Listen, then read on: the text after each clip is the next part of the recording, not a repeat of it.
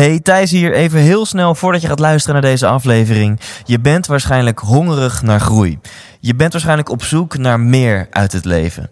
En ik kan je vertellen, dan ga je het enorm naar je zin hebben tijdens de 100% Inspiratieshow. Dit is een combinatie van een seminar waarin je veel gaat leren over geluk en een avondje uit waarin je vooral gaat lachen en het naar je zin hebt.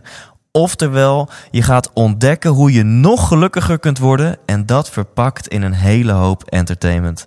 Kaarten, die kun je kopen op thijslindhout.nl. Alle vorige shows waren volledig uitverkocht, dus als ik jou was, zou ik er snel bij zijn. Heb je zin in een avond uit, vol inspiratie? Neem je partner, je collega's, je vrienden en vriendinnen mee en koop nu je tickets op thijslindhout.nl. Mijn naam is Paul Smit en je luistert naar de 100% Inspiratie Podcast.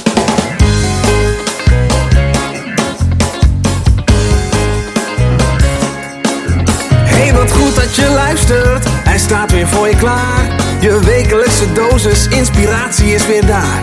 De allerleukste gasten geven al hun kennis prijs. Met je veel te blije host, hij praat je bij. Zijn naam is Thijs. Thijs,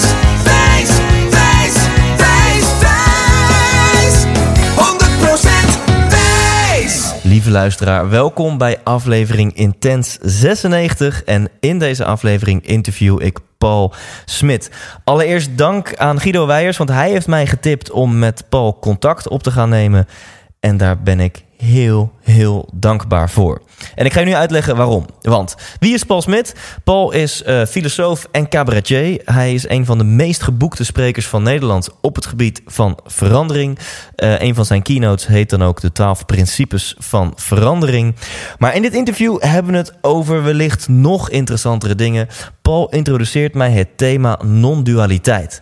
En dat is even een nieuw thema voor mij en wellicht ook voor jou.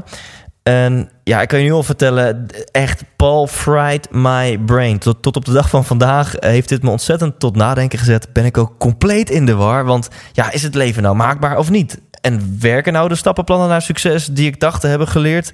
Of, of is het allemaal complete onzin? Heb ik helemaal geen invloed op mijn eigen leven? Nou ja, waarom stel ik deze vragen? Om het heel kort uit te leggen, het concept non-dualiteit gaat ervan uit dat je geen vrije wil hebt. Je denkt wel dat je zelf bewust keuzes maakt en dat je daar zelf verantwoordelijk voor bent. Maar eigenlijk ben je ja, hier op aarde gekomen met een pakketje genen, met een bepaalde karakterstructuur. En is het allemaal vrij voorspelbaar dat jij doet wat je doet en de keuzes maakt die je maakt. In dit interview gaan we het daar uitgebreid over hebben. En smaakt dit naar meer? Check dan alvast thijslindhout.nl slash verlichting. Ik denk verlichting, want non-dualiteit is een woord wat je misschien niet zo makkelijk onthoudt. Maar gewoon thijslindhout.nl slash verlichting. Daar staat een gratis e-boekje voor je klaar van Paul Smit. En dat e-boekje heet Verlichting voor luie mensen. Um, mocht je trouwens al op mijn mailinglijst staan, dan stuur ik je dat gewoon toe. Dan hoef je dat dus niet te doen. En anders check thijslindhout.nl slash verlichting. Aan het einde van het interview trouwens stel ik een aantal kijkersvragen of luisteraarsvragen. En denk nu, ja, fuck Thijs, aan mij heb je niks gevraagd. Nou, dan helpt het als je mij gaat volgen op Instagram. Ik uh, ben helemaal aan de stories geslagen. Dus vind je het ook leuk om wat meer over mij te weten te komen. Over mijn dagelijkse leven. Maar ook achter de schermen beelden van voor het interview, tijdens het interview, achteraf bij het interview. Ja, check dan mijn Instagram Thijs Lindhout. Want um, ik plaats tegenwoordig voor elk interview ook een updateje waarbij jij als luisteraar vragen kan insturen en dan stel ik die aan de gast. Voor nu gaan genieten van het interview van filosoferen over non-dualiteit tot aan parenclubs. Hier is Paul Smit. 100% Thijs. In het zonnetje, nou we kijken naar het zonnetje, zit ik in de, de huiskamer van Paul Smit in Ja. Gouda. En Paul, wat wil jij worden als je later groot bent? Ja, dat eh, heb ik me lang afgevraagd. En eh, ik moet eerlijk zeggen dat ik dat nu nog steeds niet eh, weet. Dus ik zie alleen maar wat ik nu doe. Ja. maar eh, ik heb niet echt eh, verder ambities eh, van waar het nog naartoe moet. Ik zie het altijd wel, want het loopt toch altijd anders. Ja. Dus als je die vraag interpreteert, echt letterlijk als in, hè, heb je nog dromen of doelen die je wil verwezenlijken, dan is jouw antwoord eigenlijk van, nou ja, nee, nee, want ik heb zoveel toffe dingen al mogen meemaken en zoveel uitgeprobeerd en zoveel van de wereld gezien. Dat als ik nu nog een bucketlist zou hebben, zou dat wel heel. dan ben je wel een heel ontevreden mens, zeg maar. Ja, ja. ja. Dus op dit moment geen concrete dingen die je nog wil meemaken of bereiken, maar dat je vooral zegt, ik, ik wil ja, gewoon meemaken wat er allemaal gaat gebeuren. Eh, ja, het leven is natuurlijk één grote verrassing. En, eh, dus ik vind het altijd wel leuk als er weer dingen veranderen. Verandering, daar hou ik eigenlijk wel van. Want dan eh, komen er weer nieuwe dingen. Maar ja, wat er voor nieuws komt, weet je toch nooit. Dus het is altijd lekker aanschouw maar wat er gebeurt. Ja, en volgens mij ligt het ook wel een beetje in lijn met jouw gedachten over non-dualiteit. Ja. Ehm, nou, we zitten pas 60 seconden in het interview, En maar, bam, maar, maar laten we meteen maar... Precies. Eh, ik wil het zo meteen ook even uitgebreid hebben over jou, maar om meteen maar even dat begrip neer te zetten, Ja. eh, laat ik beginnen bij een simpele vraag. Wat de fuck houdt dat in, non-dualiteit? Voor mensen die luisteren denken, ik heb nog nooit van Nooit begrip van gehoord. gehoord, Wat ja. is het? Nou, het is een eh, filosofie uit het oude India. Uit de Upanishaden heette dat, waren oude geschriften van 600 jaar voor Christus. En daar stond eigenlijk in beschreven wat nu ook vanuit kwantumfysica en neurowetenschap wordt onderbouwd. Namelijk dat alles is, is één en dezelfde energie. Dus alles is gemaakt uit hetzelfde stof. Hè. Dat kun je helemaal ontleden met atomen en kwantumdeeltjes, et cetera. Maar wat zeggen zij nu? Die ene energie, wat wij zijn, beweegt. En alles gaat gewoon zoals het gaat. Dus als ik je zeg van het water stroomt gewoon, dan is dat logisch. Maar ook de vogel fluit gewoon, het gras groeit gewoon, de hond blaft gewoon. En wij houden gewoon een interview.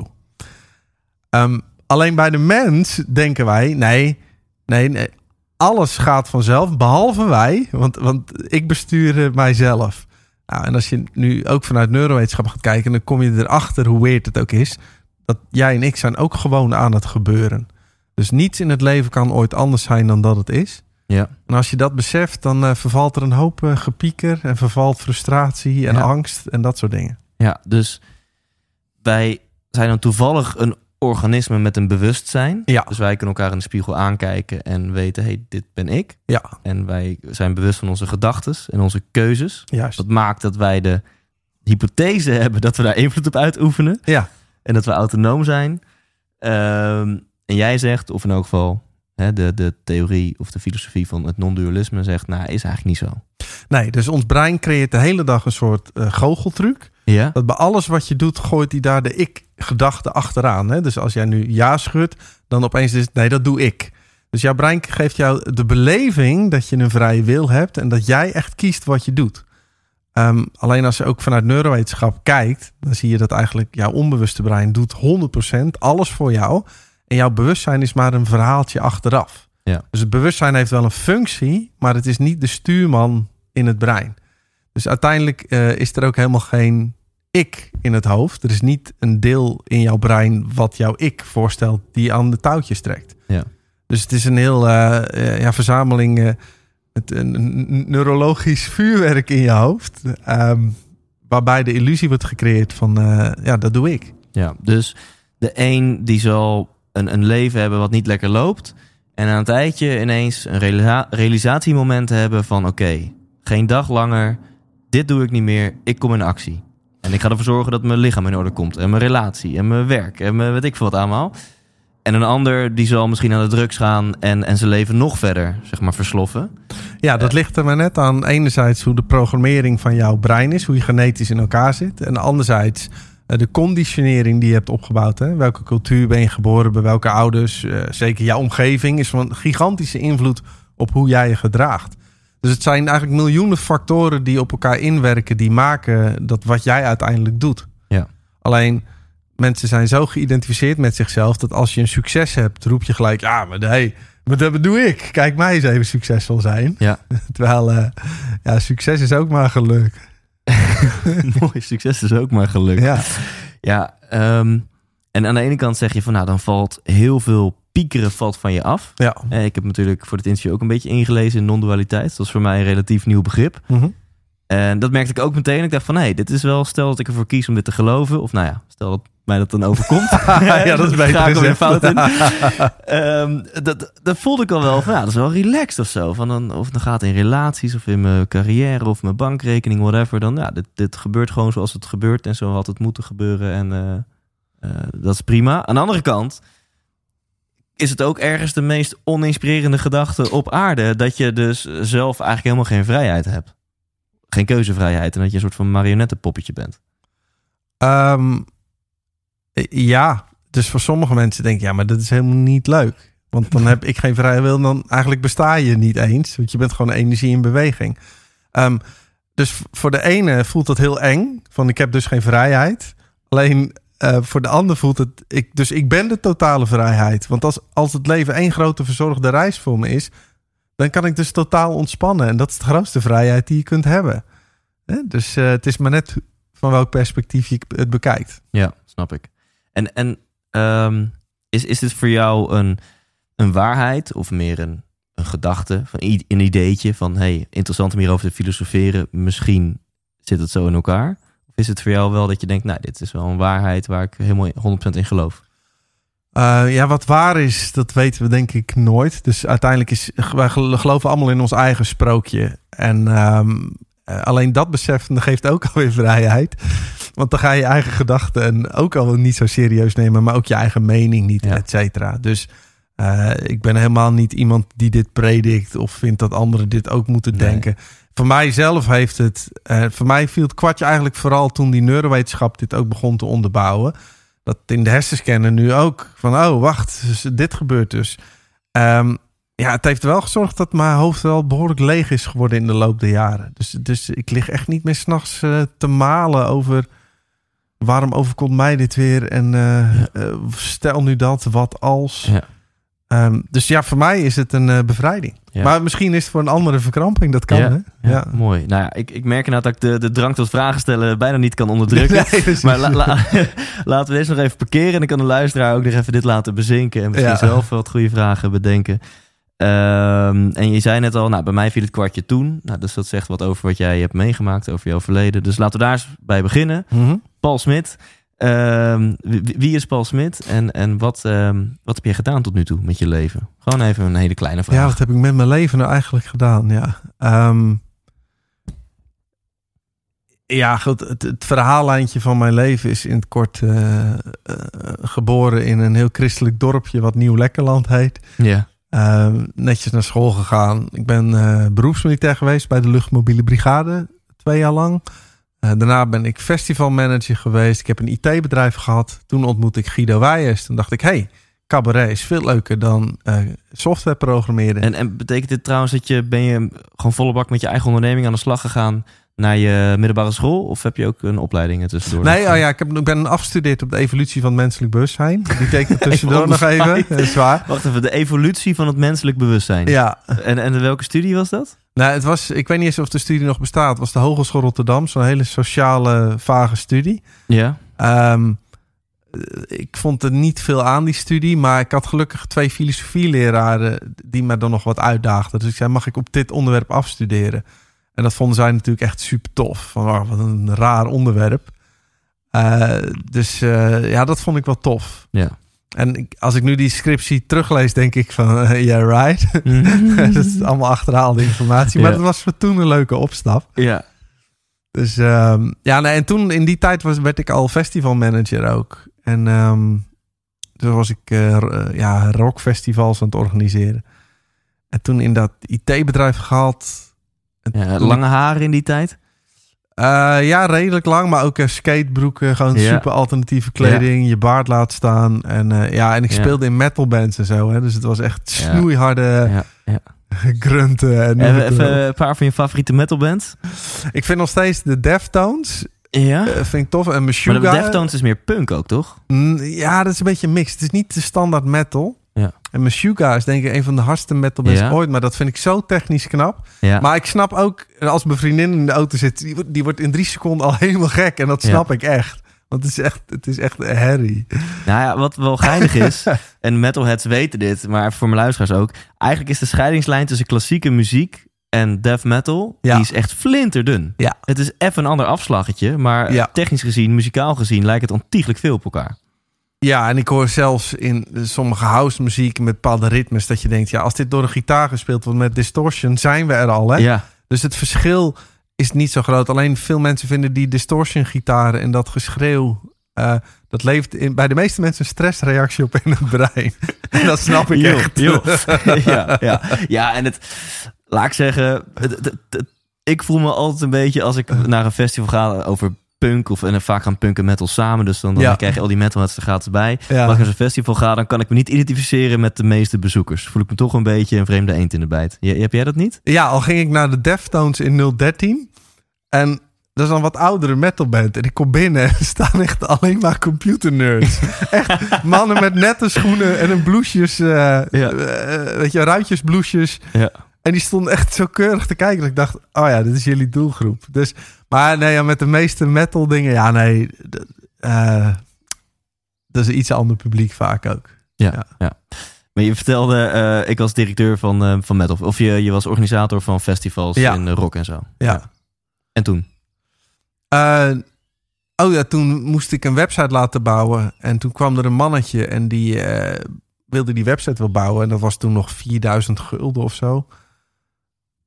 En ik zei, maar ventje was super jong. Ik zeg, dus met websites bouwen verdien je zoveel? Ja, hij zei, ja. Ik zeg, wat doe jij vanmiddag? Ik zeg, want dan ga je me even uitleggen. Dus die legde mij die software uit. Ik denk, zo. Toen ben ik naar de Kamer van Koophandel gegaan. Ik, ik ga een IT-bedrijf starten. Toen ben En ik dit was gaan in welk jaar dan ongeveer? Eh, 1999, denk ik. Lijkt me prima timing inderdaad. Ja, maar dat was booming. En, en je, kon, eh, je kon alles vragen, joh. Ja. Dus toen begon ik die websites te bouwen. En daarna wilden die bedrijven software. Ging software programmeren. En eh, ja, dat was wel eh, leuke business in die tijd natuurlijk. Ja. Maar ja, toen leerde ik dus eh, Guido kennen. En toen dacht ik, ja, cabaret is echt veel leuker dan software maken. En Ja. toen heb ik mijn IT-bedrijf verkocht. Ja. En eh, toen ben ik op ieder podium wat er was, ben ik gaan staan. In kroegen, hardrockcafés, studentenverenigingen. Ben echt heel veel dood gegaan. Als cabaretier. Als cabaretier, dat je echt afsterft op het podium. En gewoon maar blijven gaan, blijven gaan. Totdat je op een gegeven moment dat trucje doorkrijgt. Ja. Hey, eh, vertel er eens wat over, want je stapt hier overheen. Maar dat is natuurlijk een hele interessante en mooie verhalen over... Dat zei Guido ook tegen mij toen ik hem interviewde. Van dan komen mensen naar hem toe. Oh Guido, ik wil ook cabaretier worden. Heb je een tip voor me? En Ja, dan vraagt Guido, nou heb je het al wel eens gedaan? Ja, nee, dat niet. Nou ja, begin daar maar eens mee. begin daar maar eens Weet je mee. wel? En wat ik jou hoor zeggen, nou, ik had misschien een matig, eh, matige sketch, misschien wel slecht, maar ik ben gewoon gaan staan. Ik ben gewoon op mijn bek gegaan en eh, weer opstaan en nog een keer gaan staan. Ja, is, ik, heb- op de harde weg heb ik het echt geleerd. Hè? Ja. Dus dan sta je op een gegeven moment... stond ik met Pieter Joukers samen in de hel van Sliedrecht, heette dat. Elektra, ik weet niet of het nog bestaat. Ja, en dan zitten er allemaal hardrockers op kratjes bier... met, met een joint in hun bek. Zitten naar jou te kijken. Zo, we gaan maar eens grapjes maken. En Pieter begon en die, die, die vertelt een grap... en iemand echt zo... Zo'n snoeiharde boer door de zaal, weet je Ja. wel? En toen ging iedereen na iedere grap een boer laten. Ja, probeer dan maar nog maar eens te overleven. En ik had toen ook een heel filosofisch stuk met de Enya muziek eronder. En dat begon ik daar te vertellen. Nou, jongen, ik ging ik- Oh, dat was zo En dan verschrikkelijk. weet je van tevoren al van, ja, weet je, ik kan nu niet ineens mijn hele sketch omgooien. Nee, maar je bent Eh, nog zo bleu. Je hebt helemaal geen ander materiaal. Ja, dus je bent dan blij dat je 20 minuten kan. Ja, Nou, en dan heb je twee lachmomenten in 20 minuten. En dan, dan druip je af, weet je wel. Ja, en ook, ja. En het, het, het lastige is, ik won, op mijn vijfde optreden won ik al een eh, festival, de publieks- en juryprijs. Omdat het toevallig heel goed ging. ja. Maar dan denk je dan opeens, zo, mijn show is echt heel goed. Maar dan de zesde keer ga je gewoon weer dood. dus het is, het is zo fragiel in het begin. Ja. Dat, eh, maar toen heb ik zeg maar wel eh, op de harde manier het geleerd. En toen viel op een dag Gabriel Guzman uit. En toen, ik was toevallig, zat ik iets te doen op de computer van de directeur van Mojo. En die zegt, jij doet toch cabaret? Ik zeg, ja.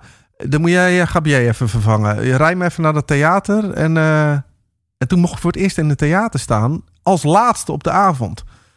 En dit was, was En- het een bedrijfsevenement? Nee, dit was een- gewoon eh, een eh, avond waar dan volgens mij vier cabaretiers ja, stonden. ja. Dus een uitverkocht groot theater. En ik kom op. Maar ik was natuurlijk gewend dat ik moest zien te overleven op het podium. Moest knokken. Ja.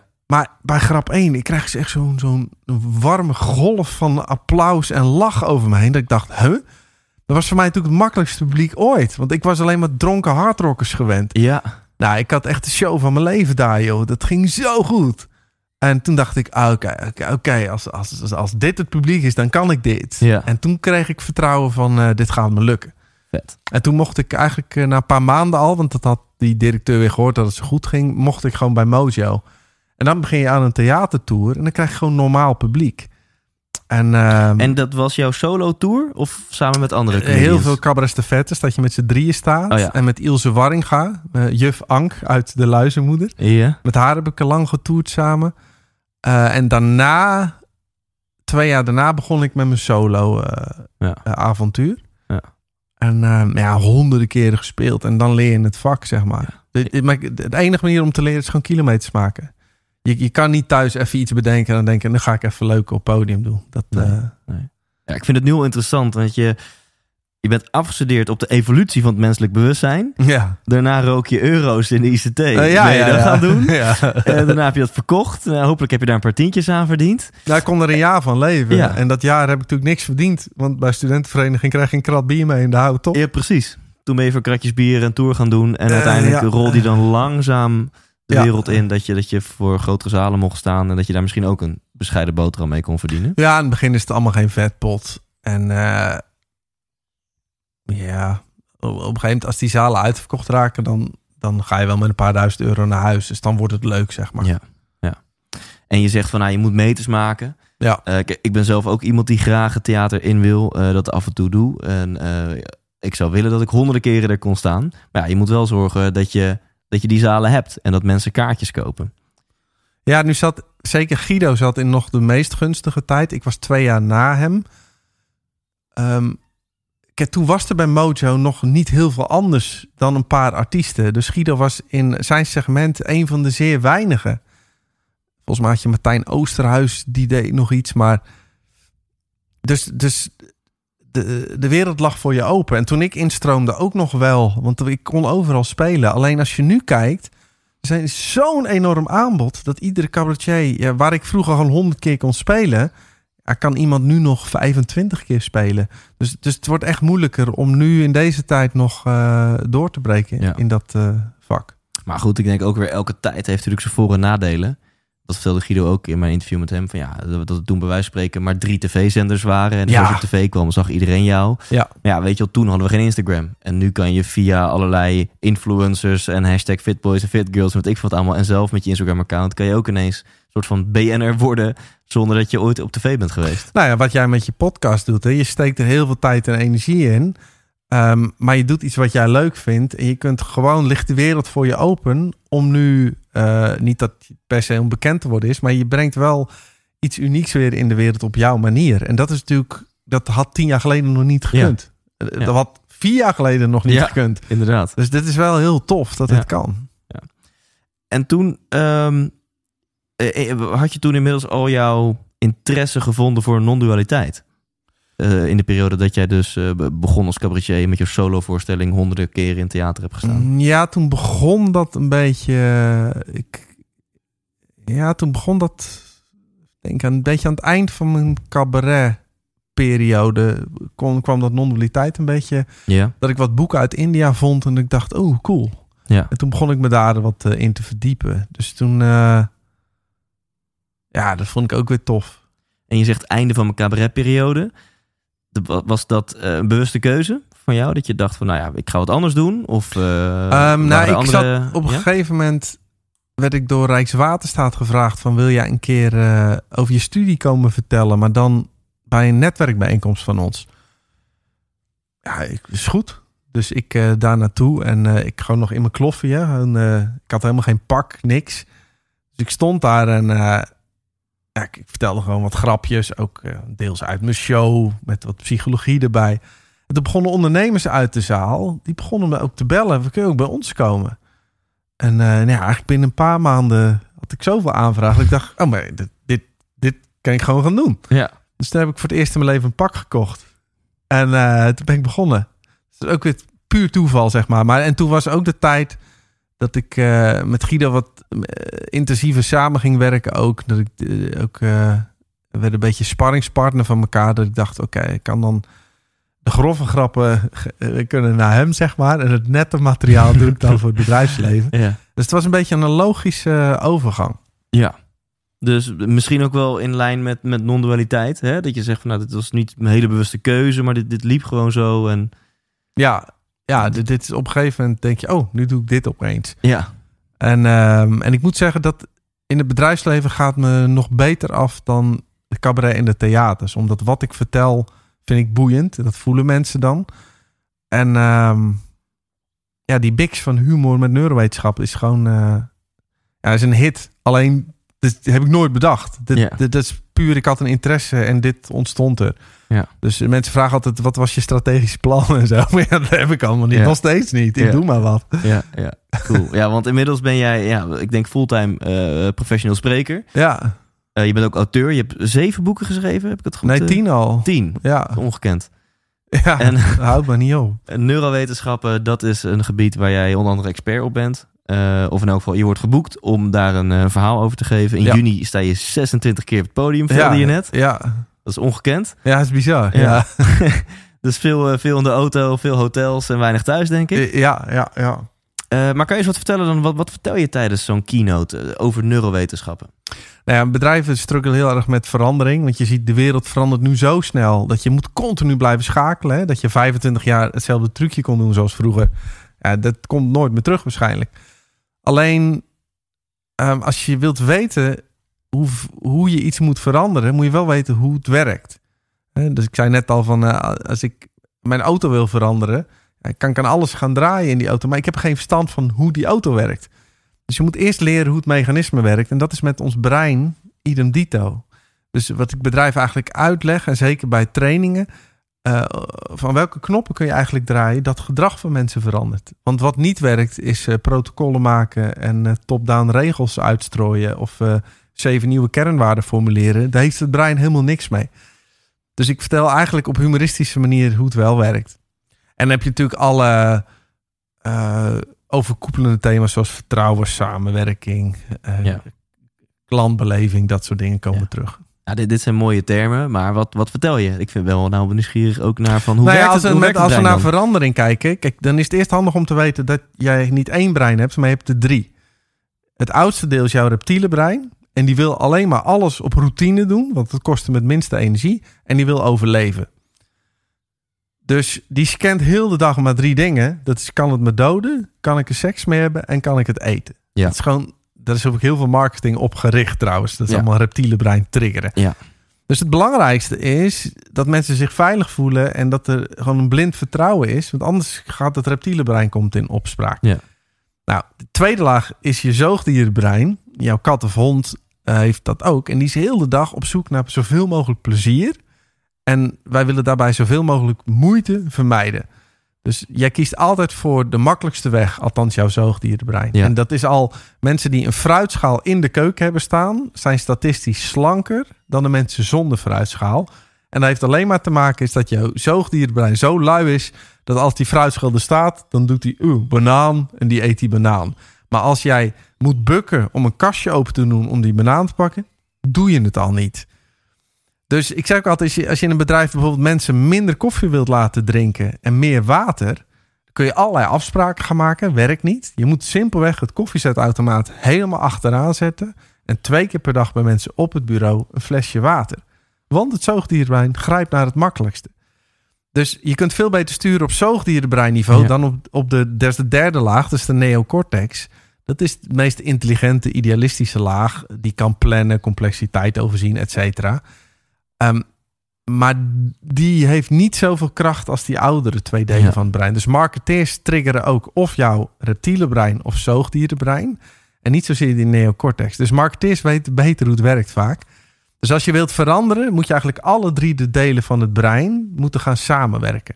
Ja. En wat zie je in het bedrijfsleven? We gaan alleen maar op neocortex niveau, gaan we heel hard nadenken, gaan we alles op papier zetten, strategische plannen maken en dan kijken we verbaasd toe van waarom verandert het niet. Nou, en ik laat dan zien hoe je dan alle drie de delen, hoe je die wel alle drie eh, ja, eh, synchroon kunt laten samenwerken. En misschien is het een onmogelijke vraag, hoor, maar hoe werkt het dan? Je hebt met je neocortex heb je een mooi strategisch plan geformuleerd. Of we moeten deze kant op. Of weet je wel, de markt die vraagt dit van ons. En dan jongens, dit gaan we doen. Ja. Ja, dat werkt dus niet, zeg je. Maar hoe, hoe zorg je er dan voor dat je dat reptiele brein onboord krijgt? Eh, nou ja, er zijn twaalf technieken voor. Is een beetje iets te kort tijd om ze alle twaalf eh, Ja, uit te leggen. Ehm, nou, ik, heel De- simpel voorbeeldje. Ja. Als jij op de bank zit s'avonds. Kijk, s ochtends zoals nu is onze neocortex heel sterk. Hè? Die, wij zijn gedisciplineerd en eh, hij remt onze primaire driften af. Maar hoe vaker die neocortex op de rem moet stappen, dus hoe vaker die in verleiding tegen moet gaan, hoe meer die remschijven slijten. Dus s'avonds is die neocortex moe. Dan neem je ook nog een biertje. Dan leg je hem helemaal lam. En dan zit je op de bank en dan hoor je die neocortex nog van... eh, echt even geen chocola vanavond. Alleen dat reptiele brein begint na een half uur zo van eh, honger. En dat zoogdierenbrein denkt, ik lust eigenlijk wel wat lekkers. En dit is het innerlijk conflict wat ik iedere dag op de bank heb. Dat je denkt, nee, blijf zitten, niet Ja. doen. En toch, mensen staan op, lopen naar de ijskast, pakken die chocola of de wijn of het blokje kaas of noem het maar op. Ja. En gaan het toch eten. Dus je ziet dat het- die oudere delen zijn sterker dan die neocortex. En wat bijvoorbeeld al beter werkt, als de sociale druk werkt al beter. Dus als jouw partner zegt nee, je had gezegd geen chocola vanavond. Dan ben je veel gedisciplineerder dan wanneer je eigen stemmetje in je Ja. hoofd het tegen jou zegt. Ja. Dus ehm, als je ook vaker wilt gaan sporten, zorg dan dat je met een groep doet. Want die groepsdruk zorgt ervoor dat alle drie de delen van je brein gaan meewerken met elkaar. Dus de sociale druk is een van de principes. Omdat je reptielbrein je zegt van... Nee, die denkt eigenlijk alleen maar na van... Hey, kan jij mij doden? Kan ik jou eten? Of kan ik je neuken? Ja. Eh, maar dat reptielbrein, dat, dat vindt ook sociaal heel belangrijk. Erbij horen. Eh, nee, nog niet eens. De- die wil gewoon routine. ja. Jouw zoogdierenbrein die denkt, ik blijf lekker op de bank, want moeite doen, daar hou ik niet van. Maar door die sociale druk, jouw zoogdierenbrein vindt het ook super belangrijk om het plezier met de groep te hebben. Oh ja. Jouw neocortex wil ook nog eens bij die groep horen. Eh, dus, en wij kunnen natuurlijk overleven als mens doordat we in sociale groepen zijn gaan leven. Dus dat reptiele brein weet ook dat mijn overlevingsstrategie is om me wel te conformeren aan de groep. Dus alle drie de delen van het brein hebben er baat bij om zich sociaal op te stellen. En dus ga je wel met de groep hardlopen, terwijl je het in je eentje niet had gedaan. En ehm, kun je misschien toch één voorbeeld noemen van een, van een corporate situatie, een situatie in een bedrijf? Want ik snap deze van eh, op de bank met chocola of je wil gaan sporten met eh, dat soort dingen. Maar eh, in een bedrijf, hoe, hoe kan je dan slim inspelen op het reptielbrein of het zoogdierenbrein van, van, van je team? Nou, het begint bijvoorbeeld al, dat is het principe van commitment en consistency, zoals het heet. Ehm, als mensen, mensen willen wel veranderen, maar niet veranderd worden. Dus, en hoe krijg je het brein mee? Nou, het simpelste voorbeeld is, als jij naar de tandarts gaat, dan vult de receptionist zo'n kaartje in met datum plus tijd. En die geeft het kaartje aan jou. Maar wiens brein is dan eigenaar van de afspraak? De receptionist, want die heeft het opgeschreven. Dus dat hebben ze in de ziekenhuis in Californië nu gedaan. Omdat heel veel mensen niet kwamen opdagen. Is het simpelste wat ze nu doen. De receptionist pakt het blaadje plus een pen. Geeft die aan jou. Jij schrijft op datum en tijd. Dan maakt jouw brein, voelt zich eigenaar van de afspraak. Want als jij het zelf hebt opgeschreven. Ja, wil je je er wel de consistent naar handelen. Ja. En dat heeft dan weer te maken met het oerbrein. Die wil dat als die iets zegt, dat hij het ook doet. Want die wil sterk overkomen op andere mensen. Ja. Dus dat oerprincipe zit er nog steeds in. En dat werkt dus als jij eh, in een bedrijf mensen in beweging wil laten komen, moet je niet vertellen wat ze moeten doen. Je moet gaan zeggen: dit is het doel wat we voor ogen hebben. Willen jullie zelf opschrijven en zelf bedenken hoe je daar naartoe wil? Want Ja. als jij zelf met de oplossing komt, het zelf ook nog eens opschrijft en met de sociale groep gaat overleggen, dan voel je je eigenaar en dan zie je dat mensen wel in beweging komen. Kijk. Maar de meeste bedrijven beginnen nog steeds in de top, verzinnen ze de protocollen en zeggen ze: En nu ga jij dit uitvoeren. En dat werkt niet, want jouw brein die, die wil helemaal niet gestuurd worden. Ons brein houdt ook van leiders en niet van managers. Ja. Dus jij wilt iemand volgen die het goede voorbeeld geeft. Maar als jij in de oertijd een hert ging vangen, liep er echt niet een manager naast jou met een notitieblok. Even kijken, hoe efficiënt ben je? Hoeveel stappen doe Ja, je? ja. Is jouw speer wel scherp genoeg? Dus, dus managers moet je afschaffen. Aan de andere kant dus zit ik in mijn eigen bedrijf. eh, mezelf ben ik, ben ik vervangbaar aan het maken of, of, of mezelf Mhm. onnodig aan het maken in het bedrijf. Ja. En eh, krijg ik juist heel veel adviezen van mensen die zeggen: Nou ja, Thijs, dan moet je gaan werken met procedures, checklisten, weet je wel. Ervoor zorgen dat jij. Hè, ik heb een bepaalde genialiteit en die moet ik gaan overbrengen op mijn team. En dat, dan kan ik dus mijn genialiteit in checklistjes en procedures gaan vastleggen, zodat het bedrijf toekomstbestendiger wordt en zodat dingen gewoon gaan zoals ze goed gaan. Ja. Eh, maar jij zegt nu eigenlijk, ja, als je dat doet, dat werkt dus juist niet. Nee, jij moet het voorbeeldgedrag gaan vertonen voor de mensen. Dus die kunnen van jou leren hoe jij het doet. Alleen geef zij zelf, zeg dit is het doel. Een heel concreet einddoel, het liefst op korte termijn. En zeg je, hoe ga jij dat invullen? En dan kun je het wel begeleiden als, als leider, als, als met voorbeeldgedrag, dat ze van je leren. Maar laat mensen zelf uitvinden en uitkristalliseren hoe ze daar willen komen. Want als ze jouw procedures moeten gaan volgen, dan zeggen ze: Ik ben niet eigenaar van dit. En dan krijg je een soort robotjes die eh, wel functioneren, maar de passie gaat er dan snel uit. Er zit geen, Ja. geen, geen vuur meer in dan. Ik weet wel dat een, een hotelketen, ik weet even niet meer welke. Eh, het is niet Carlton. Nou, het is een bepaalde hotelketen. Die staat heel erg bekend om, om hun consistente kwaliteit. Waar ter wereld ook je naar hun hotel gaat. Het is altijd op dezelfde manier het bed opgemaakt, et cetera. En zij, hebben, zij zeggen zelf, ons geheim is checklisten. Al ben je al 15 jaar lang eh, housekeeper, eh, hè, doe je de schoonmaak van de kamers bij ons. Nog steeds moet je naar elke kamer moet je een checklist afwerken. Ja, maar En- ik ben niet tegen checklisten. En dat is omdat ehm, jouw brein, jouw bewustzijn is zo klein, die vergeet bijna alles. Dus ze hebben nu zelfs bij chirurgen die een checklist afgaan van 18 dingen. Daarbij gaan 40% van de mensen minder dood op de operatiekamer. Dus dat wil alleen maar zeggen dat je iedere keer even in je bewustzijn haalt: dit moet ik doen. Dus checklisten zijn prima. Alleen als je eh, heel hard de regels zet van ook op deze manier moet je het precies gaan doen, Ja. dan voelen mensen zich geen eigenaar meer van de handeling. Ja. Dus ehm, checklisten, nee, daar ben ik echt niet op tegen. En jij zei net, hè, van het is goed om, om tegen je team te zeggen van, nou ja, ik wil deze kant op. En dan, je, dan aan je team de opdracht te geven, gaan we eens nadenken hoe we daar kunnen komen. Ja. Dus je kan als leider wel degelijk, zeg maar, de, de horizon uitstippelen. Ja, maar daar Ik- ben je voor als leider. Ja, want jouw leider Dit is wat we gaan doen. gaat op strategisch niveau, zet hij de stip op de horizon. Maar dat is omdat je de visionair hoort te zijn. Ja, Maar hoe mensen daar gaan komen, dat moet je ze echt zelf laten bedenken. Ja. En heel vaak roepen ze dan dingen die jij al lang weet, maar dat maakt niet uit. Het gaat erom dat die commitment ontstaat in die ja. breintjes. Ja, ja, of je hebt zelf al de, de route in gedachten, maar het zou het mooi zijn als dat uit, uit de mensen komt. Ja. ja, mooi. Ik vind het een super mooie concrete tip. Ik, ik betrap mezelf op dat ik vaak in meetings dat ik zeg, kom even met het blaadje. Ik schrijf het wel even voor je, of voor je uit. Of ik, ja, ja, ja, ja, dat vind ik mezelf weer geniaal. En ik, ik zelf eh, ga die meeting uit eh, alsgene die het beste weet wat we hebben afgesproken. Ja, omdat ik die fucking pen en papier heb gepakt. Dus dit is wel een eh, hele goede... Ja, en ik las, gisteren las ik weer zo'n goede tip. Een beetje open deur, maar die man zei... je bent altijd bezig als je een onbekend iemand ontmoet... om een goede eerste indruk neer te zetten. Maar zeg ik, moet je helemaal niet doen. Zeg, want je bent met jezelf bezig. Waar het om draait, want die ander is ook onzeker. Het draait erom dat die ander het gevoel heeft dat hij het echt goed heeft gedaan. Maar als je dus focust op de beleving van hoe die ander erin zit... dat gaat veel beter werken dan dat je continu Ja, met jezelf bezig bent.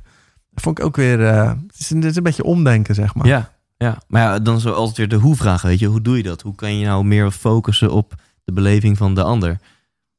Nou ja, dat, dat begint, dat noemt hij dan ook. Hè? Dus, dus eh, een eh, gemeend compliment moet niet gemaakt zijn, maar echt iets wat je vindt. Ja. Spreek dat maar eens een keer uit. Ja, Ehm, je kwetsbaarheid tonen. Plus, hij zegt ook, je moet mensen. ehm, je kunt ze wel vragen stellen, maar je moet ze eigenlijk om advies vragen. Want als jij een klant bijvoorbeeld om advies vraagt, van oh, eh, hoe denk jij daarover? Een hogere waardering kan iemand niet krijgen. Want als jij mij om advies vraagt, neem je mij dus bloedserieus en denk je dat ik de expertise heb. Simpelweg vraag een klant om advies is iets wat heel goed werkt. ja. En dan creëer je voor de ander dus de fijne beleving. En die loopt dan echt met een goed gevoel weg. gek. Hey, en ik zit even te kijken naar eh, een aantal boeken die je hebt geschreven. Ja. Dat is echt ongekend. Verlichting voor luie mensen, Verlichting in de liefde, Non-dualiteit voor managers, Uitzoomen, De tien flirtgeboden. Alles over niets, praten over bewustzijn. Voordat ik de- in de inhoud duik, hoe, het zijn dus, dit zijn er zeven, het zijn er tien, zijn het zelf. Ja. Hoe, hoe, waar tover je het vandaan om, om tien boeken te schrijven? Ja, dat is meestal in de zomer. Ieder jaar roep ik weer nu, ik heb niks te schrijven. En dan toch begin ik te typen. En dan krijg ik er zoveel lol in. En dan eigenlijk binnen een paar weken is het boek af. Dus Eh, je- je- dat is jouw zomervakantie, ik schrijf weer een boek. ja, maar dat vind ik echt zo Ja. leuk om te doen. En eh, maar schrijven, ja, het, eh, ik ben wel licht dyslectisch. Dus mijn uitgeven is nog wel lang aan het redigeren. Maar nou, dat rolt er in één keer uit. Dus als ik een passie voel voor een onderwerp, zoals laatst met de, die verlichting in de liefde of zo, dan denk ik, ik ga helemaal uitzoeken hoe de liefde werkt. Ja, en dan is het eigenlijk is dat boek schrijven ik om het voor mezelf helder te maken, maar dan rolt er ook nog een boek uit. Ja. Super egoïstisch. ja, een beetje narcisme slash egoïsme Ah, zijn we allemaal niet vies nee, van, maar toch? nee, de Eiffeltoren is niet gebouwd door iemand zonder ego, hè? Ja, ja Dus, mooie eh, uitspraak. mooie uitspraak. En wat ik dan wel interessant vind, is dat hoe, hoe als ik zo gewoon even naar die titels van die boeken kijk, hè, dan suggereert het dat er wel eens degelijk concrete tips in zitten. Misschien zelfs wel stappenplannen naar liefde, geluk, succes, Mhm. whatever.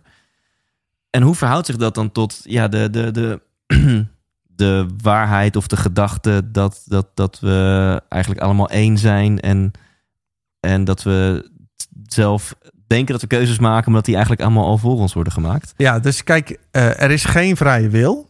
Alleen wel de beleving van een vrije wil. Ja. Dus je kunt er niets aan doen dat je leeft vanuit de beleving dat je een ik bent met een vrije wil.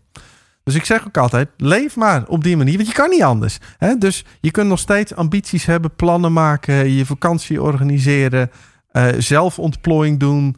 Eh, dus alles gaat gewoon door zoals altijd. Alleen weet dat hoe het uiteindelijk loopt, Ja. zal lopen zoals het loopt. Dus als het dan een keer misgaat, of je valt een keer om, of, of je gaat een keer failliet, ga niet maanden lopen piekeren, want dan is dat gewoon dat wat zich heeft gemanifesteerd. Ja. Dus het is eh, uit die mentale eh, oorlog in je hoofd komen. Dat is wat het je oplevert, wat het kan opleveren. Eh, maar ik ben helemaal niet dus tegen eh, van eh, geen plannen meer maken of wat dan ook. Alleen, ja, Ramesh Balsekar, dat is een guru uit India, die zei het mooi. Hij zegt, handel gewoon naar je best te kunnen, maar laat de uitkomst over aan het universum. En die vond ik heel mooi. Dus, Ja. dus ik doe ook nog steeds met van alles mijn best. Alleen, als het, of het nu goed of slecht gaat, het ligt niet in mijn handen. Hè? Dus Ja. er is daar geen, eh, geen strijd mee. Ja, dus het feit dat je ervan overtuigd bent dat je geen vrije wil hebt, moet geen excuus zijn om vervolgens gewoon de, de, de, de kantjes ervan af te lopen en een beetje te, aan te gaan lopen kloten in het leven. En, eh, te Ja, denken, ik want die mensen eh, zie je ook, maar dat is natuurlijk een trucje van het ego. Hè? Dat is het Ja. zoogdierenbrein dat dan denkt... oh, dus met deze filosofie kan ik nog luier zijn... en nog minder verantwoordelijkheid dragen. En dan, eh, ik heb een keer een vriendin gehad die eh, leefde zo. Ja, daar kan ik niks aan doen. Ja. En eh, toen was ze vreemd gegaan met iemand. En ja, maar ja, dat gebeurt gewoon. Ja, hey dus Paul, echt en als, in lijn als met jij daar emoties bij hebt, dat is allemaal jouw fout. Want dan zit jij in de weerstand. Totdat ik met een vrouw vreemd ging, toen eh, dacht ze daar iets anders over. Jij denkt, laat ik even een spiegel voor houden. Nou, ik zei, als we een open relatie hebben, mag ik ook die dingen doen. Ja. En eh, ja, toen ontplofte het even. Oké, oké. Nee, dus dat, dat, dat, is, dat noemen ze in de non-dualiteit. Of Advaita heet ook wel, eh Ja. dat is hetzelfde.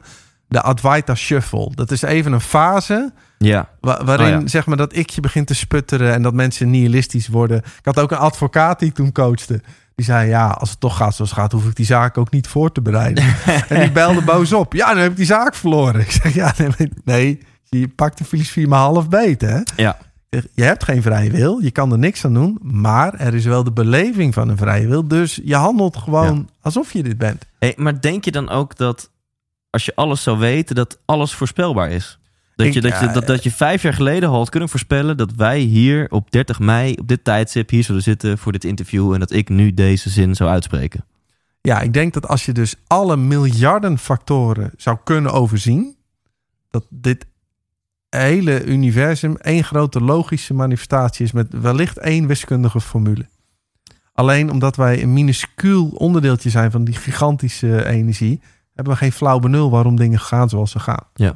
Maar ik denk dat alles uiteindelijk een pure logica is. Ja, dus ook dan die, die advocaat die eventjes besluit van, hè, of jouw jouw ex die even besloot van, nou ja, hè, ik heb toch geen vrije wil, dus ik kan gewoon lekker doen waar ik zin in heb. Ja, Dat is ook weer onderdeel van een bepaalde voorspelbaarheid die er al in zat. Dat hoort dan ook weer bij hun manifestatie. juist. Ja. Dus dat kan ook weer nooit anders zijn dan dat het is. Ja.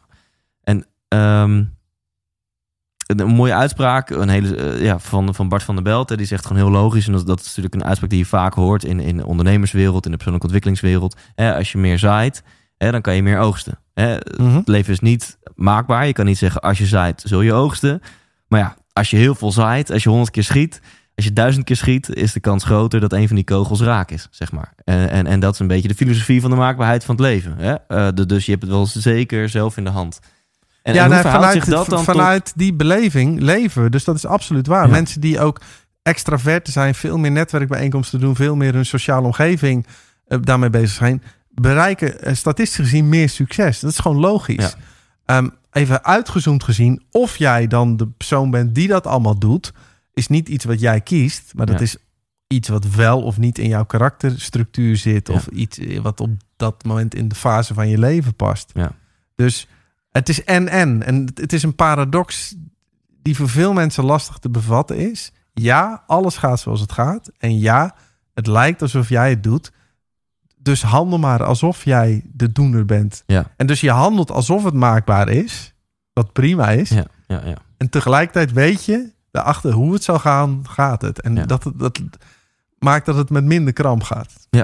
Ja, ik denk dat dat het mooie ervan is. Hè? Als je de, de, of je hier nou 100% in gelooft of niet. Dat je in elk geval deze wetenschap kan gebruiken om jezelf wat bevrijdender te voelen en minder te piekeren. Ja, en zelfs, zelfs al, al zou blijken over 20 jaar, oh nee, we zaten er allemaal naast. het is toch maakbaar. Dan nog is deze filosofie relaxter. Ja, Want als iets misgaat in je leven, heeft het sowieso geen nut om erover ja. te piekeren. Als over 20 jaar ineens Jezus weer op aarde komt en dan blijkt dus dat het toch... Nee, waar jullie hebben in zonde geleefd. Eh, En, ja, eh, ja, ja, ja, ja, Paul, het wordt toch de hel voor jou. eh. Gezellig. ja, Dan ja, zitten mijn ja. vrienden vast ook. Dus Ja, toch maar even beter naar die Jehovah luisteren de volgende keer. Ja. wie weet, Ja. het zou wel lachen zijn. En, ehm ah fuck, ik had een hele intelligente vraag. Oh, Wat zou ik nou vragen? Ehm eh, nou, die komt vast. eh, ja, die vast klopt meteen. zo wel weer naar boven. Ja. Eh, anders pak ik eh, eventjes om dan nu mijn, eh, eh, mijn flaw of mijn, mijn blackout te, te verhullen. Een vraag erbij van ene meneer G. Weijers Oké. uit het zuiden van het land. Misschien wel eens van gehoord. Ja, die sprak ik, net ik, nog. Ja, ik appte hem natuurlijk van hey, ik ga Paul interviewen. oh, leuk, een vraag leuk, voor hem? leuk. En ehm, dus ik vroeg, hey Guido, heb je een vraag voor Paul? En hij zegt, ik zou vragen of hij na... Of hij eindelijk mijn factuur is betaald. Dat zou grappig zijn. Ja, precies. Ja, en, en, en veegt Paul staand of zittend eh, zijn billen af? Nee, dat vraagt hij niet hoor, maar dat... eh. Ik zou vragen of hij na eh, non-dualisme en de werking van het brein en gedragspatronen van mensen te bestuderen. Dus eigenlijk of jij na het bestuderen van non-dualisme en de werking van het brein en gedragspatronen, of jij dan inmiddels een eindconclusie hebt gevonden voor hoe je het gelukkigst of het beste kan leven. Ja, ik moet zeggen, Guido doet natuurlijk die eh, show ook over geluk. Ehm, ik heb me daar ook lange tijd in verdiept. En ik moet wel zeggen dat de inzichten daaruit me wel geholpen hebben. Dus ik heb een tijd lang, eh, dacht ik van, ik ga een vrijstaand huis kopen. Tot ik uit onderzoek las, ja, maar dat gaat mij niks brengen qua geluk. En wat me wel eh, brengt, is dat ik vrienden ontmoet. Dus ik ben denk ik meer vrienden gaan ontmoeten sinds die tijd. En meer in, in de sociale omgeving verkeren. Ja, En eh, dat grote huis, dat boeit me even niet. Dus, en, dus op heel veel facetten. En ook geluk zit hem in vele kleine momenten van geluk. En niet in een aantal grote uitspattingen. Dus die gouden medaille of die promotie. Dus dat is heel even wat meer endorfine. En dan zakt het allemaal weer Ja. weg. Dus eh, het heeft mij echt wel eh, weer gelukkig gemaakt door inzicht te krijgen in wat je gelukkig maakt. Ja, en dat is voor jou, merkte jij een grote vrijstaande villa, dat is een lege huls. En vrienden, dat zorgt echt voor voldoening en geluk. Nou ja, ik zag een vriend van me die kocht dan een huis, een gigalandgoed, vrijstaand, prachtig. Ja, dan spreek ik hem gisteravond. Die is de hele zaterdag bezig om mos van tegels te schrapen, bomen te Ja. kappen. En dacht, ja, daar word ik dus niet gelukkig van. Deze tuin, deze minuscule tuin van 9 bij 5, vind ik al gedoe. Ja. Ja, dus, Ja. dus ik dacht, daar moet ik het niet in zoeken. Dus het, eh, Maar je, jij, hebt toch personeel voor alles, Paul? Nee, nee, want dan, eh, ik heb wel een schoonmaakster, maar daar houdt het op. Ja. precies. Ja. Ze- Strijkt ze ook je blouse? Of? Nee, Oh. dat doe ik. Maar ik strijk alleen het deel wat je ziet als je je Oh, ja, hebt. ja. Dus als jij je jasje uitdoet, dan Dat doe ik nooit, want dan ga ik van gaas. Ja. Ehm, ik, ik heb een vraag weer trouwens. Ja. Ja. Eh, want dat is eigenlijk ook een persoonlijke vraag. Want ik merk als wij het hierover hebben... dat er een soort van label wordt geplakt op iets... waar ik al misschien wel twintig jaar over nadenk. Ik kan me echt herinneren dat ik als, als jochie van acht of tien jaar oud... of zo al wel eens gesprekken had met mensen van... kan je een moordenaar of een verkrachter het nou kwalijk nemen dat hij dat heeft gedaan? En dan zeggen mensen altijd, ja, tuurlijk, ze moet gestraft worden. Nou, oké, ik snap wel dat ze gestraft moeten worden, maar kan je dat gewoon eh, kwalijk nemen? Kan die persoon er misschien niks aan doen dat hij of zij is geboren met een bepaalde karakterstructuur, met een bepaalde intelligentie in een bepaalde omgeving? En dat het misschien dus onvermijdelijk was dat iemand met zijn eh, eh, hersenkap, zeg maar, ooit een keer iemand zou verkrachten of vermoorden. Nou, dan ehm, zeggen mensen vaak van, nou ja, oké, dan, dan snap ik misschien wel dat hij er misschien wat minder aan kan doen dat hij van padje af is geraakt. Mhm. Maar uiteindelijk zijn er ook zat mensen die hetzelfde hebben meegemaakt en die de keuze hebben gemaakt, ik ga het leven wel weer gewoon goed aanpakken. En dan is altijd mijn vervolgvraag geweest, ja, maar dat is nou precies wat ik het over heb. Kan zo'n persoon er dan wat aan doen dat jij niet de, de hersenen hebt die met die informatie een keuze maakt van ik ga het leven wel goed aanpakken? Kan je er misschien niks aan doen dat je dan de keuze maakt, nou, ik ga gewoon eh, het park in en ik ga hele foute dingen doen. Ja. Ehm hier zit niet echt een vraag in, maar dit is... Nou, dit is ook waar, waar de rechtspraak nu mee struggelt. Want er komen steeds meer advocaten nu met hersenscanners de, de, de, de zaal binnen. En die zeggen tegen de rechter: Ja, maar mijn cliënt heeft vervroogde activiteit op zijn amygdala. Dus hij kan er niks aan doen dat hij banger werd. En daardoor eh, zijn neocortex niet goed functioneerde. En eh, dat meisje heeft doodgestoken. Ja. Ehm, dus kijk, als je alle variabelen zou kennen, dan zou je zien dat zo'n man of vrouw kan niks anders doen dan wat hij of zij deed. Ja. Alleen, dan komen we ook weer op het niveau. Binnen het verhaaltje ben je wel gewoon verantwoordelijk. Dus ook al is mijn brein geprogrammeerd om straks eh, met mijn auto dwars door een benzinepomp te rijden. Ik ben wel verantwoordelijk voor alle schade en Ja. ellende die eruit komt. Dus het is geen vrijbrief om eh, dat je niet meer verantwoordelijk wordt gesteld. Want ja, eh, Victor Lamme zegt ook: ja, maar je bent gewoon dit brein als het ware. Dus Ja. ben je er verantwoordelijk voor. Ja. Ook al kan je er niks aan doen. precies. Dus dat is best wel dubbel. En in de rechtspraak hoor ik steeds meer mensen die daar echt mee struggelen. Van, want het is wel zo dat als jij bijvoorbeeld een hele slechte jeugd hebt gehad. Eh, en je bent mishandeld door je ouders, wordt je straf milder. Maar ja, waar leg je dan de grens? Want Ja. je kan er ook niks aan doen dat je in dit brein Ja, geboren Dat is bent. een mooie vraag. Ja. Waar trek je dan de grens voor, voor, voor strafvermindering? Ja. De, dus, en als iemand dan eh ontoerekeningsvatbaar is, dan eh, wordt je straf minder. Maar dat is heel raar, want eigenlijk zijn we allemaal ontoerekeningsvatbaar. Ja. Want we kunnen niks Ja. anders doen dan Ja. we doen. Dus ik ben heel benieuwd waar dat met de rechtspraak... Wel we moeten mensen natuurlijk... eh, eh, daar hebben we de wet voor gemaakt. Hè, dat mensen binnen bepaalde kaders functioneren. Anders dan zou het anarchie kunnen worden. Maar ik ben benieuwd hoe ze daarmee omgaan in de toekomst. En, en jij zegt dus eigenlijk, of, of je quote die goeroe geloof ik, hè, van, van handel naar je beste geweten of je beste wil. Ehm, en zeg je daarmee dus eigenlijk van ja, de, weet je, de succeswetten en zo en de gelukswetten, die, die werken ook wel. Er zijn echt wel dingen die je kunt doen. Zeker. Die de, de, de kans vergroten dat jij geluk of succes, wat voor jou ook betekent, gaat bereiken. Maar wat dan misschien een iets minder inspirerende wetenschap erbij is, ja, dat, is wel, dat was wel wel te voorspellen. Dat jij iemand bent die die actieplannen in werkelijkheid gaat brengen. Ja, ik heb zelfs die training, de 12 principes van beïnvloeding of verandering. Nou, laat ik gewoon zien, als je op die knop drukt, gaat een brein iets Ja. anders doen. Alleen ja, eh, eh, dus ik, ik ben ook gewoon bezig om eh, met zelfontplooiing en sturing. Dus je handelt gewoon alsof het maakbaar is.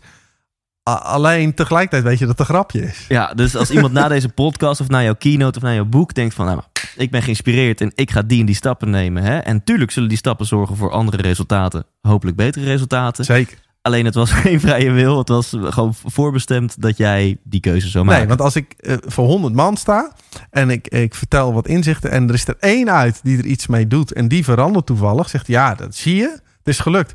Nee, omdat jij als enige van die 100 geprogrammeerd was om op dat moment dit inzicht te Ja. kunnen integreren en daarmee ook iets deed. Maar dat is ook geen vrije wil. Want anders hadden die 99 Ja. eromheen het ook En wel ik, ja, gedaan. ik blijf nog steeds wat ik een uurtje geleden zei. Van, ja, ik vind het een beetje het meest inspirerende wat ik ooit heb gehoord. En tegelijkertijd ook het minst inspirerende. Eh, ja, dat- maar dat is het. Want je kan ineens helemaal geen bewondering meer hebben voor een Beyoncé, voor een Bill Gates, voor een Tony Robbins, voor een weet ik veel wie.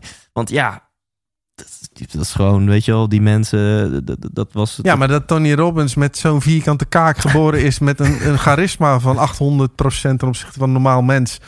eh, dat hij zo snel denkend is, zo communicatief, dat die mensen zo weet mee te krijgen. Dat is, dat is helemaal geen keuze van hem. Hij is toevallig in dit lichaam geboren met deze eigenschappen. Ja. En eigenlijk is er natuurlijk helemaal geen ikje in Tony Robbins. Er is geen Tony Robbins. Dat is gewoon een stukje energie in beweging, waarbij zijn brein de illusie wekt. Dat doe ik. Maar die ik is er eigenlijk ook helemaal niet. Dus er zit niet iemand in jou die jou bestuurt. Ja. En dat En, is en dan zal hij misschien zeggen, ja, maar ik heb er fucking hard voor gewerkt. I Hij zegt ook in Ja. in zijn seminar zegt I created this fucking monster. I created this Tony Robbins. maar ja, bij jou hem is dan dat chipje ingebouwd dat hij dus zo'n eh, idioot is in positieve zin om fucking hard te werken en dus alles te Ja, kijk, verzamelen en en, ook knijten zijn- seminars van elkaar te Zijn narcisme dient hem weer. Want zonder dat had hij nooit dit allemaal gedaan. Want dan denkt er normaal mensen halverwege... ja, is wel genoeg geweest. Dus ook zelfs met narcisme is niks mis. Nee. Dat is En wel- wat je net zei was heel interessant. Hè, want we hebben het er nu over van ja, hoe inspirerend kan je dan nog die halfgoden vinden? Want ja, dat, daar konden ze eigenlijk ook niet zoveel aan doen. Zij zijn gewoon energie in beweging en toevallig met een identiteit en een voor- en achternaam. Ja. En je zei net iets over, over Bill, eh, Bill Gates, zeg maar. Kijk, Nou, het is al, het- hebben ze uitgezocht, hè, dat als eh, eh, Bill Gates één jaar later was geboren, was het gewoon een computerprogrammeur geweest. Die man is op precies de juiste moment in het gat in de markt gedoken, omdat hij toevallig de juiste leeftijd had met net de juiste kennis. Maar als hij één jaar later was geweest, was dat gat opgevuld. Dan had hij gewoon achter een bureau gezeten nu. En had hij gewoon een, een, rijtjeshuis gehad in Los Angeles. En en that's it. Dus ehm, als je ook gaat gewoon als je succes hebt, zeg ik altijd, count your blessings, weet je wel? Dat is gewoon allemaal genade en geluk wat je hebt gekregen. En jouw ikje, jouw brein verzint wel het verhaal, maar dat komt allemaal door mij. Maar er is niet. Kijk, Dirk Kuyt zegt dan, ja, maar ik heb gewoon minder talent. Maar ik heb er dus harder voor gewerkt, mijn succes. Ja, maar dat jij harder werkt voor je succes is omdat je genetisch geprogrammeerd bent om dat doorzettingsvermogen te hebben. Want ook doorzettingsvermogen is geen keuze, dat zit ingebouwd. ja, Dus ja, de- dus, maar je gaat, en zelfs Ja. Beethoven, die wilde zijn naam niet eens onder zijn werk zetten. Want die zei: Nee, ik doe dit niet. Ik krijg dit allemaal cadeau. ja. En opeens ga ik mij dit werk toe-eigenen. Dus die vond dat al raar. En ook Bono van U2 zegt dan: Do not interfere with the pen. Let the pen do its work. Dus op het moment dat jij mentaal je alweer gaat bemoeien met de tekst. Weet je, dan krijg je een writersblok. ja. Dus het is allemaal creativiteit ook. Het zijn allemaal cadeautjes die je Ja, krijgt. nu wordt het ineens een stukje zweveriger als je dus ook zegt van, in ieder geval wat ik nu hierin hoor, dat je soort van in kan tappen in dus die oneindige intelligentie. Dat je soort van, dat, dat die genialiteit niet uit jou komt, maar dat die echt uit de, de kosmos komt of de, de, de, de energie waar we allemaal onderdeel van uitmaken. Nou ja, het is allemaal energie, zeg maar. Alleen eh, eh, als je bijvoorbeeld een mooi idee krijgt, dat is gewoon omdat jouw onbewuste brein die heeft miljoenen prikkels tot zich genomen. Die husselt het door elkaar en die vloept er iets nieuws uit. Ja. En dan opeens heb jij een idee. Dus ik zeg niet dat dat eh, dan uit iets bovennatuurlijks komt of uit de engelenwereld. Ja. Maar het is gewoon het functioneren van je brein. Ik zit ineens te denken, misschien is het wel zo dat als jij het geboortejaar had van Bill Gates en Bill Gates het geboortejaar van Paul Smit, dan eh, was Bill Gates eh, nu misschien een, eh, een spreker geweest over non-dualiteit en neurowetenschappen. En, en dan zit ik hier nu eigenlijk gewoon met Bill Gates te praten. Misschien was Ja, jij dan de oprichter van Microsoft geweest. Ja, wie weet. Ik zeg ook altijd mensen die succes hebben. Zeg ik, ja, maar als jij was geboren met een, bijvoorbeeld een hazenlip. Iets kleins. Dan was misschien je leven helemaal anders Ja. gelopen. Of je had, was geboren met eh, een teen minder. Ik bedoel, het hangt van zoveel kleine factoren af. Ja, het resoneert wel echt bij mij ook als soms mensen tegen mij zeggen van... oh, ik, ik bewonder het zo hoeveel moed jij hebt of lef of whatever. Dan eh, ja, is denk ik wel vaak, ja, daar kan ik ook niks aan doen. Weet je wel, dat is bij mij, ja, ik zie dat iets spannend is, maar eh, dat, ik, mijn hele lichaam beweegt daar naartoe. Dat, dat, dat, ik heb gewoon die chip ingebouwd of die, die genetische structuur, zoals jij dat Ja, noemt. ja, die ja, genetische, hoe noemde je dat nou net? Ja, nou, ja, het is genetisch gewoon ingebouwd. Ja, hè? Dus, dus deels genetisch en deels is conditionering. Dus 50-50 ongeveer. Ja.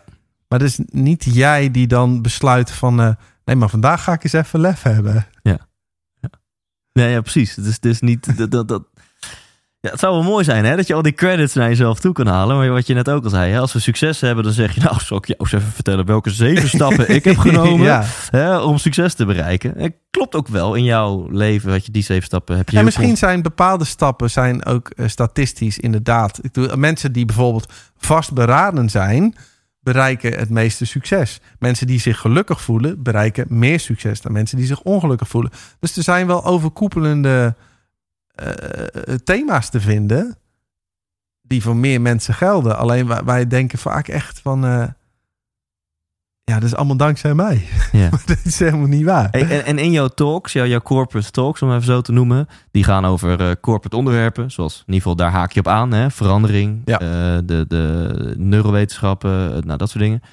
Ehm, vertel je daar ook een stukje over, over deze filosofie, non-dualiteit? Of zeg je, nou, laat ik weg, want dat haalt juist mijn verhaal weer een beetje onderuit of zo? Mm, Soms als een CEO mij kent van de non-dualiteit, vragen ze het wel eens. Ehm, als ik voel dat de groep het aan kan, vertel ik het. Maar dat is in 2% van de optredens. Omdat Ja. bij de meeste mensen, als je over non-dualiteit begint, dat is niet iets wat je eigenlijk even in een half uurtje moet vertellen. Ehm, dit, dit is mensen die al heel lang met bepaalde dingen bezig zijn. Eh, de, daarvan is, die zijn ontvankelijk om dit Ja. te- tot te nemen en daarmee iets te kunnen. Maar op het moment dat jij je nog nooit eh, bezig bent geweest met zelfontplooiing of hebt afgevraagd wie ben ik nou eigenlijk en kies ik wel eigenlijk zelf, ja, die maak je helemaal in de war als je Ja. dit in één keer lanceert. Ja, en gelukkig zijn luisteraars van deze podcast zijn briljant tot geniaal. Ja, daar selecteer jij ze op, hè? Ja, Mensen die dat niet zijn, mogen ook niet luisteren. Nee, maar dat, is, dat is ongekend. Ja. Ja. het schijnt ook als je gewoon ergens in de supermarkt whatever komt en je zegt ik ben luisteraar van de 100% Inspiratie podcast, Ja, krijg je alles gedaan. Ja. Ja. Gaan deuren voor je open. Ja, dat is allemaal dankzij jou. Hè? Ja, ja. ja nou, ik vind het allemaal bescheidenheid dat ik dat best wel mag claimen, ja. Ja, precies. Maar ik vind ook jouw bescheidenheid, daar kunnen mensen nog veel van leren. Dat is een van mijn sterke eigenschappen. Ja, ja, dankjewel. ja alsjeblieft. Ehm, voordat ik, ik ga je on the spot zetten. Dat heb ik niet aangekondigd, maar dat is leuk. Aantal irritante tegenstellingen. Oké. Eh, maar voordat ik dat ga doen, eh, we hebben het nu een uurtje gehad over, eh, over interessante dingen. Ehm, kun je hier misschien voor mijn luisteraar die denkt: oké, ik, ik, je hebt me aangezet, ik ben aan het filosoferen, eh, interessant. Maar wat de fuck moet ik hier nu morgen mee? Of vandaag, weet je wel? Van, dus hoe kun je eigenlijk uit de, de wetenschap dat we geen vrije wil hebben, hoe kun je daar het meest positieve uit destilleren, wat je nu nog even mijn luisteraars kunt meegeven? Nou, als je gaat, gaat zien dat wat er gebeurt nooit anders kan zijn dan dat het is, dan krijg je een soort compassie voor dat wat is, maar ook compassie naar jezelf toe. Eh, en heel veel mensen die hebben dat niet. Die struggelen continu met zichzelf. Ik ben niet mooi genoeg, niet slim genoeg. Ik moet anders worden. Wat vinden anderen van mij? Al die mentale ruis, ja, dat, daar kun je op een gegeven moment naar gaan kijken. Want je bent niet je gedachten, je bent ook niet je emoties. Ze komen en ze gaan. En als je gaat zien dat je eigenlijk de ruimte bent waarin ze verschijnen en verdwijnen, dan ga je ze minder serieus nemen. Dus je gaat jezelf wat minder serieus nemen, meningen van anderen minder serieus. Die gedachten kleven niet meer zo. En als je een emotie hebt, heb je even een emotie. Als je blij Ja. bent, lach je, ben je verdrietig, huil je. Maar je gaat niet daarin blijven hangen. Het kleeft niet meer. Ja. En, en dat is dus, als je dit doorziet, wat je eh, rustiger kan maken. Ja, ik vind het mooi hoe dit thema aan de ene kant dus leunt tegen, ja, eh, eh, leunt tegen wat zweverige gedachten, hè, waar ook Napoleon heel over schrijft. Van Mhm. we zijn allemaal in contact met de oneindige intelligentie of we zijn allemaal energieën. Ja. Aan de andere kant leunt het ook dus heel erg tegen een stukje mindfulness. Want ja, ik krijg zelf, zuigt die term alle energie uit me. Maar wat je nu zegt is eigenlijk heel mindfulness mindful. is hier een beetje uit, uit die non-dualiteit voortgekomen. Hè? Dat is in, in, volgens mij begon het in een beetje boeddhistische stromingen daarmee. Ja. En dat is hier naartoe gegaan. Maar mindfulness, ik, eh, van wat ik van weet, eh, is dat gewoon dat mensen gaan realiseren dat je die gedachte niet bent. En dat je ze niet hoeft te geloven. En als er al een beetje afstand komt tussen die gedachten en degene die het waarneemt, dan verliezen ze hun Ja. kracht. En ik denk of je nu wel of niet gelooft in of je, dat je geen vrije wil hebt. Laat dat, even, laat dat even parkeren. Volgens mij is het gewoon heel waardevol om wat meer te leven. Zoals van, nou, inderdaad emoties komen en gaan. Ja. En, en wat gebeurt, dat manifesteert zich. En dat je daardoor wat relaxter wordt. Wat minder waarde hecht aan andermans meningen. Wat minder piekert in je bedje. Ja, en, en in Nederland is, is 33% emotioneel instabiel. 34% heeft chronische slaapproblemen. En 12% zit in met burn-out verschijnselen. Dus zeker in dit land, in deze hectische tijd, kunnen deze inzichten voor de massa best wel even wat, eh, Ja. wat rust brengen. Ja. Want mensen worden echt gek gemaakt op het moment.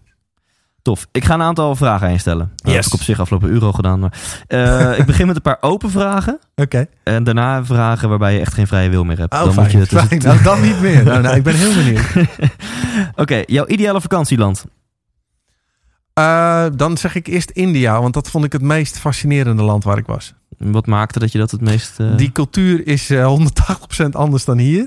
Dus al je hele conditionering en alles wat jij normaal acht, wordt daar volledig op zijn kop gezet.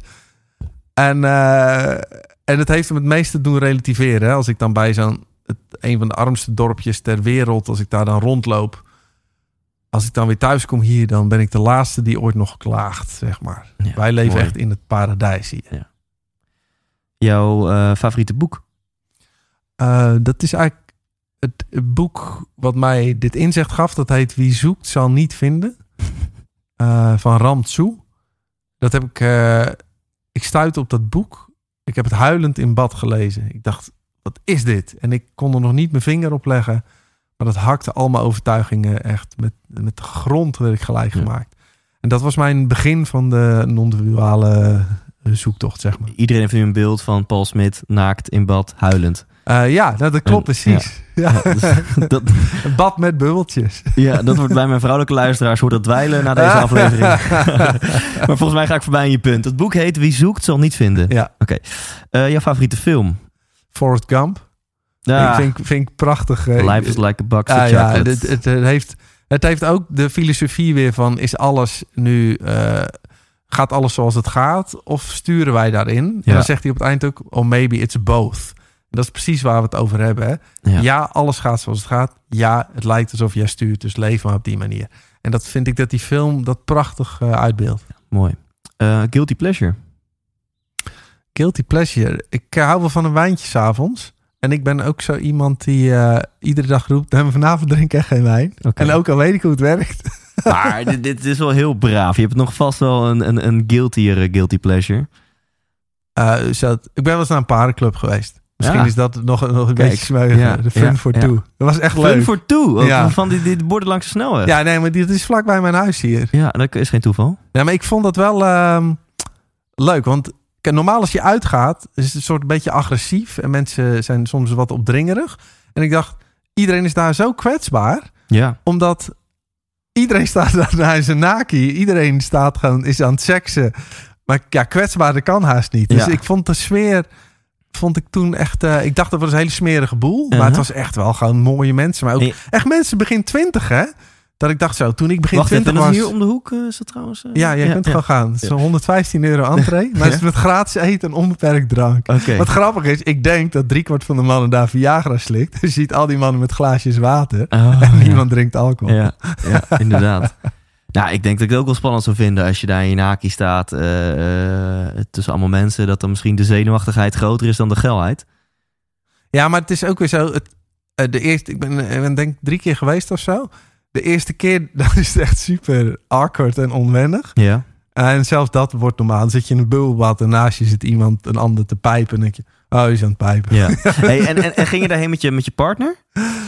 Eh, ja. ja, maar anders kom je niet binnen. Ja, maar je kan, weet je, het is natuurlijk een verschil of je met een, een, een scharrel gaat eh, of met je partner. Eh, namelijk, als je ineens naast je kijkt en jouw partner is iemand anders aan het pijpen, dat zou zomaar eens wat met je emoties kunnen doen. Eh, ja, daarom mm, ja, stem je een beetje met elkaar af. Op dat moment gewoon van, ja, wat voelt goed. En dat weet je nooit van tevoren. want Het hangt af van welk koppel je ontmoet. Ik, ik moet zeggen, ik heb niet super extreme partnerswaps gedaan daar en zo. Het was allemaal redelijk braaf.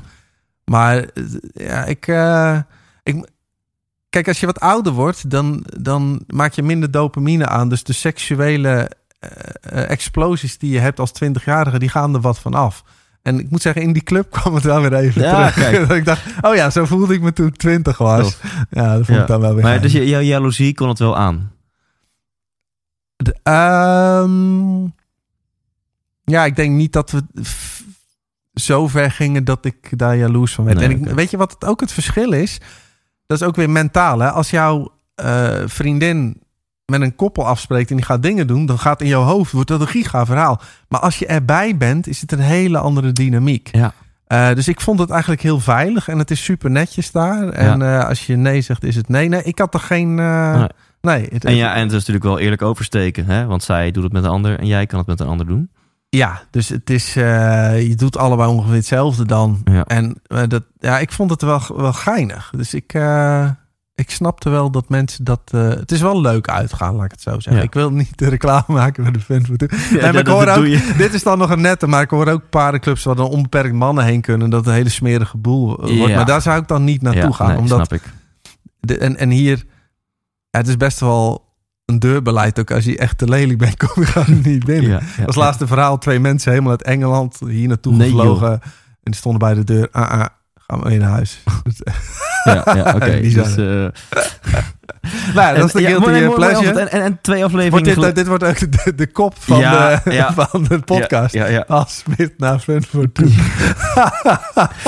Paul Smit over eh, zijn ervaringen bij Fun for Two. Ja. Ja. ik kan er een mooie kop van maken. Ja. Ja, ja. We zouden wel veel luisteraars hebben. Ja, ja, dat werkt. Ik heb twee afleveringen geleden een sexpert geïnterviewd. Oh ja, ja, ja. Ja. ja. dat is trouwens helemaal geen vulgair interview. Zo. Zij is echt Oké. ontzettend professioneel, man, die Ronda. Dus als mensen dit interessant vinden, check dan even Intens 94. Oké. En dat gaat anderhalf uur over eh jaloezie, bezitterigheid. eh, maar ook gewoon over squirten en speeltjes. En over eh, seksuele energie en alles erop en aan. Ja.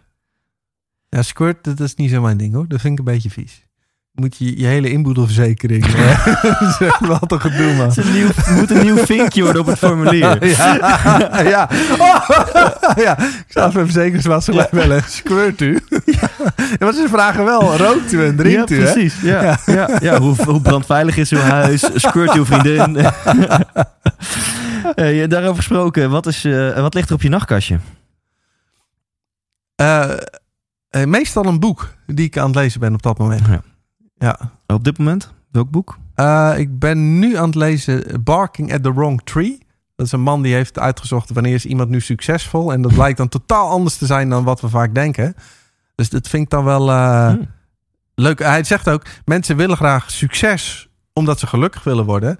Maar dat lukt bijna nooit. Want gelukkige mensen worden simpelweg succesvoller. Omdat die van nature het al uitstralen. Dus als je gelukkiger wordt door succes, stop er maar mee. Ja, dat vind ik allemaal wel geinig. Ja. Ja, dit is ook zo'n beetje mijn voorlopige conclusie na 100 interviews in één zin. Dus Ja. dat eh, kan ik beamen. Ja, ja. Tof. Ehm, favoriete auto? Ehm, ja, ik rij nu een Audi.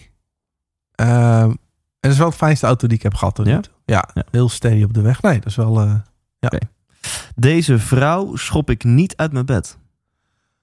ehm, even denken hoor. Ik denk dat ik heel veel vrouwen niet uit mijn bed zou schoppen. maar er moeten specifieke zijn. Welke vrouw schop je wel uit je bed? Kunnen we natuurlijk ook vragen. Ja, wie vind ik nou... eh, Ja, weet je, ik ben nog van de tijd van Cindy Crawford en zo. Maar ik denk als die nu in mijn bed ligt, dan, Ja, denk, dat is eh, dan gaan we het uit eten of zo. Ja, Maar- ja, precies. Ehm, ja, Duitse Kroes vind ik ook nog wel mooi. Die heeft wel zijn kinderen gehad en zo, maar dan zag ik laatst Mhm. weer op een billboard. Ik dacht, hoe krijg je het voor elkaar? Daar moet echt een personal trainer naast staan in de oor te schreeuwen. En doorgaan! Anders word je nooit zo Ja, slank, man. Ja. Ja, vind, je dat niet, vind je dat niet te slank? Of is dat eh Nee, ding? ik vind de meeste modellen, dus ik denk, er mag wel een beetje vlees aan zitten. Ja. Want dan, dan eh, wordt het eng, zeg maar. Ja, maar Duitse is... eh, Ja, dat vind ik een mooie verhaal. Ik, ik weet dat ze luistert, dus... eh, Oké, dus, nou? Ja, ja dat, dat je het weet. Ja. Paul Smit in Gouda. ja. ja. Eh, nu komt het moeilijke gedeelte. Jee. Tegenstellingen. Eh, het zijn er een stuk of 15. Oké. Klaar voor? Ja hoor. Ochtend of nacht? Ochtend. Bestuurder of passagier? Bestuurder. Ferrari of Tesla? Tesla. Poetin of Trump? Poetin. Groene smoothie of Engels ontbijt? Groene smoothie. Maandagochtend yoga of vrijdagmiddag borrel? Vrijdagmiddagborrel. Naakt of pyjama? Naakt. Gevoel of verstand? Gevoel. Praten of luisteren? Eh, luisteren zou ik moeten zeggen, maar ik, eh, ik denk dat ik op een podium sta, maar ik niet zo goed kan luisteren. Ik zeg praten. Jong en onbezonnen of oud en wijs? ik hoop oud en wijs. Hutje op de hei of herenhuis aan de gracht? Een hutje op de hei. Justin Timberlake of Justin Bieber? En Justin Timberlake. Klassieke muziek of death metal? Death metal. Nooit meer seks of nooit meer muziek? Eh, dan wordt het nooit meer muziek. Risico's, ja, want eh, ja, de, de Fun for Two moet natuurlijk nog wel eh, onderdeel blijven van je weekschema. Ja, ik kom daar niet wekelijks. Nee, geintje. Hoe Compleet het verband gerukt. Ehm, risico's nemen of op veilig spelen? Eh, ik, ik neem wel risico's, ja. Geld maakt gelukkig of geld maakt ongelukkig? Nee, het maakt wel gelukkig. Het voegt eh, her en der wat toe. Ja, Nederland uit en er nooit meer in. Of Nederland in en er nooit meer uit. Poeh. Ja, nu, nu nog even in Nederland. Dus dan, dan maar in Nederland. Ja, maar het is nooit meer, hè? Dus dan... Ja, ik ga als ik iets ouder ben, wil ik wel ergens anders naartoe, denk ik. Maar nee, maar dat is, nee, nu zou ik erin blijven. Eén dag koning of één dag weer kind? Eén dag weer kind. Dat was hem al. Oh, dat was Je hem. hebt overleefd. Oh. Ja, ja dat, je, maar ik heb weinig mensen geïnterviewd die zo snel... Dat is Oh, vaak, ik kan me zin nog niet af of je had al ge- geantwoord. Ja. Oh, nee. Ja. Ja, grappig. Dat goed je, doe je dat je altijd, zo'n rijtje aan het eind? Eh, meestal wel. Soms Oké. eh, bij sommige interviews dan eh, voelt het niet goed of zo. Dan is het misschien eh, is het of, of eh, heeft het of al lang genoeg geduurd, of dan zitten we zo diep in een bepaalde materie. dat oh het een ja, soort van precies. zo'n zo'n slappe mosterd naar de maaltijd is. Zeg maar. Ja, ja, maar nu, ja. het voelde nu wel lekker om, Ja, eh, nee, om te poelen. Ja. En je hebt ook veel Engelstaligen erop staan. Een paar. Ik heb. eh, Want je hebt Tony Robbins geïnterviewd. Nee, nee, oh, was maar zo. Ik heb zijn, Oh. zijn, zijn rechterhand als het ware geïnterviewd. Want Tony heeft natuurlijk last van zijn stembanden. Oh, echt? En eh, Hoe ja, zou dat hij- nou komen? Ja, hij zegt zelf dat, het, dat, het, dat de artsen zich verbazen over hoe hij nog kan praten. Want eigenlijk heeft, Oh. zijn zijn stembanden naar de tyfus. Oh, Maar is er iets gebeurd in zijn keel eh, waardoor hij toch nog kan praten of zo? Dus ook een Oh, soort van heftig. universe wat zegt, weet je wel, jij moet, eh, ja, het mag anders. gewoon niet gebeuren dat jij niet meer kan praten. Want dat Ja. is waarvoor jij hier bent. ja, precies. Ehm, maar hij, hij, hij doet natuurlijk ook heel erg veel. Hij is natuurlijk beroemd als, die als de motivational Ja, speaker. Ja. Maar zijn net worth is 480 miljoen. Zo. En ik denk dat maar 10% daarvan is wat hij bij elkaar heeft gepraat als public speaker. Ja, hij is gewoon een precies. businessman. Weet je wel. Hij heeft Zeker. allerlei bedrijven, investeringen. Ja. Ehm, en, hij- en daarom doet hij er steeds minder op podium. Of in ieder geval door zijn stem. En Ja. Joseph McClendon, dat is een van zijn trainers. Dat is zijn hoofdtrainer. Die doet vaak de helft of nogal meer van zijn events. Oh. Dan ga je vier dagen naar Tony, maar eigenlijk krijg je anderhalve dag Tony en tweeënhalve dag Joseph. Nou, Joseph heb ik geïnterviewd. Ik heb Marcus de Maria geïnterviewd, is een expert, eh, of een, eh, een beleggingsexpert. Ananda Jury eh, is een is een interessant interview. Die is, is echt zo'n goeroe uit India. Oh. Ik heb er ook een muziekje onder geplakt onder het interview. omdat hij vaak zo lang wacht met antwoord geven. Oh. Dat ik dacht, ja, mijn luisteraar die gaat continu checken of zijn telefoon is Ja, ja, uitgevallen. ja. ja. dat je eh, Metallica eronder plakt. Ja, Oh, dat was een goeie Of geweest. je het als een klok? Ja, heerlijk. Demi Borgir. Ja. Ja. Ja, ja. Eh, dus ik heb, ik heb een stuk of vijf of zo. Andy Harrington, die ook weer heel mooi marketing-wise, die noemt zichzelf the world's leading public speaking expert. Oké. Terwijl, daar zit natuurlijk geen beveiliging op of zo. Iedereen mag zichzelf the world leading public speaking expert noemen. Ja. Eh, en het, hij heeft goede tips, maar hij is niet de world leading expert. Ehm, Ja. nou goed, dus een paar Engelstalige interviews, maar de meeste, 95 van 100, zijn gewoon in Ah, het oké. Grappig, man. Eh, is er een vraag die ik had moeten stellen, maar niet gesteld heb? Nee. Het is niet iets dat nog ontbreekt. Heb je, heb je nog een slot quote of zo? Weet je wat Tony Robbins zou zeggen? Live with passion. Nee, ja, ik zeg altijd, kijk maar wat er gebeurt. Dus daar heb je niet zoveel aan. Oké. Mijn naam is Paul Smit en kijk maar wat er gebeurt. Ja. Je ziet maar. precies. Nou, mooi. Sluiten we daarmee af. Box.